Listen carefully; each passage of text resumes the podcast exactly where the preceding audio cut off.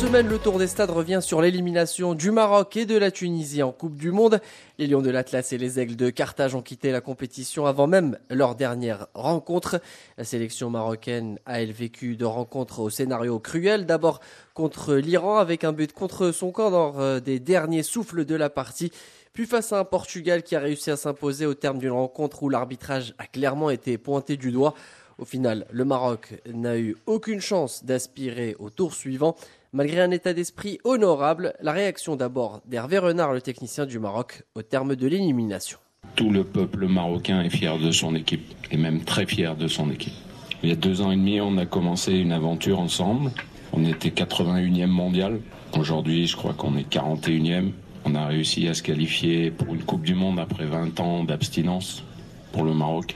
Et les deux matchs qu'on a fait, on a montré qu'on était une équipe qui jouait au football. Alors certes, on n'a pas été efficace. Et je voudrais juste euh, que vous ayez la franchise de l'écrire, que vous regardiez bien le coup de franc, le, le corner, lorsque le Portugal marque, et que vous regardiez bien le numéro 3 et que vous fassiez votre analyse et que vous écriviez la vérité. Pourtant, tous les voyants paraissaient au vert avant le début de la compétition pour le Maroc. L'équipe était invaincue depuis plus d'un an et restait sur un nul contre l'Ukraine et des succès face à la Slovaquie et à la Serbie avant de retrouver l'Iran, premier adversaire qui a réussi un hold-up avec beaucoup de réussite.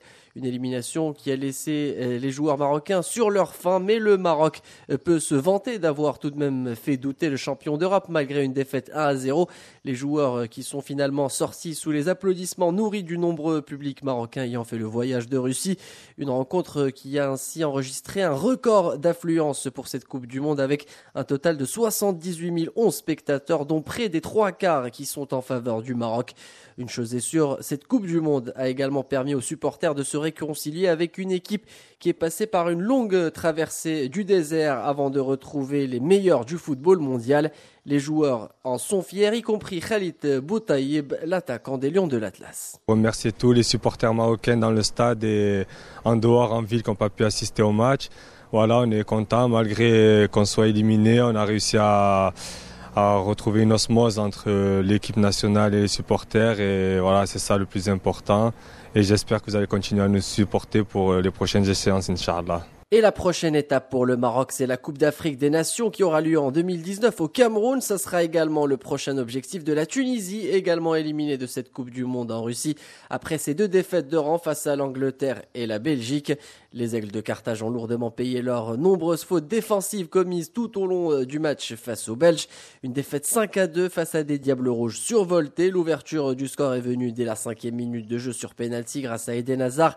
Dix minutes plus tard, Romelu Lukaku a offert le break pour ses coéquipiers. En face, la Tunisie a réagi avec Dylan Brown qui a réduit l'écart. Depuis, les malheurs se sont euh, amplifiés pour euh, la sélection tunisienne qui a perdu ses deux défenseurs, Dylan Brown et Siam Ben Youssef pour cause de blessures. Le troisième but des Belges dans le temps additionnel de la première période a fait beaucoup de mal au moral des Tunisiens. Enfin, le but de Wehbi Khazri en toute de fin de partie n'aura rien changé à l'ampleur du score 5 à 2. Avec deux défaites en deux matchs, la Tunisie se retrouve éliminée donc de cette Coupe du Monde 2018.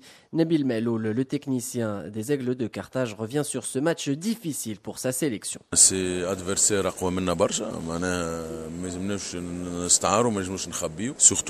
Il ne faut pas se voiler la face, l'adversaire a été supérieur sur tous les plans.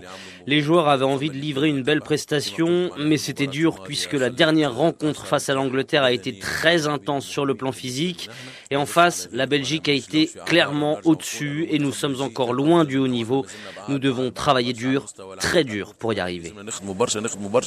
Prochain match pour Nabil Meloul et ses hommes, ce sera contre le Panama jeudi prochain. Les Aigles de Carthage tenteront de finir en beauté face à une sélection également éliminée qui participe pour la première fois de son histoire à une phase finale de Coupe du Monde.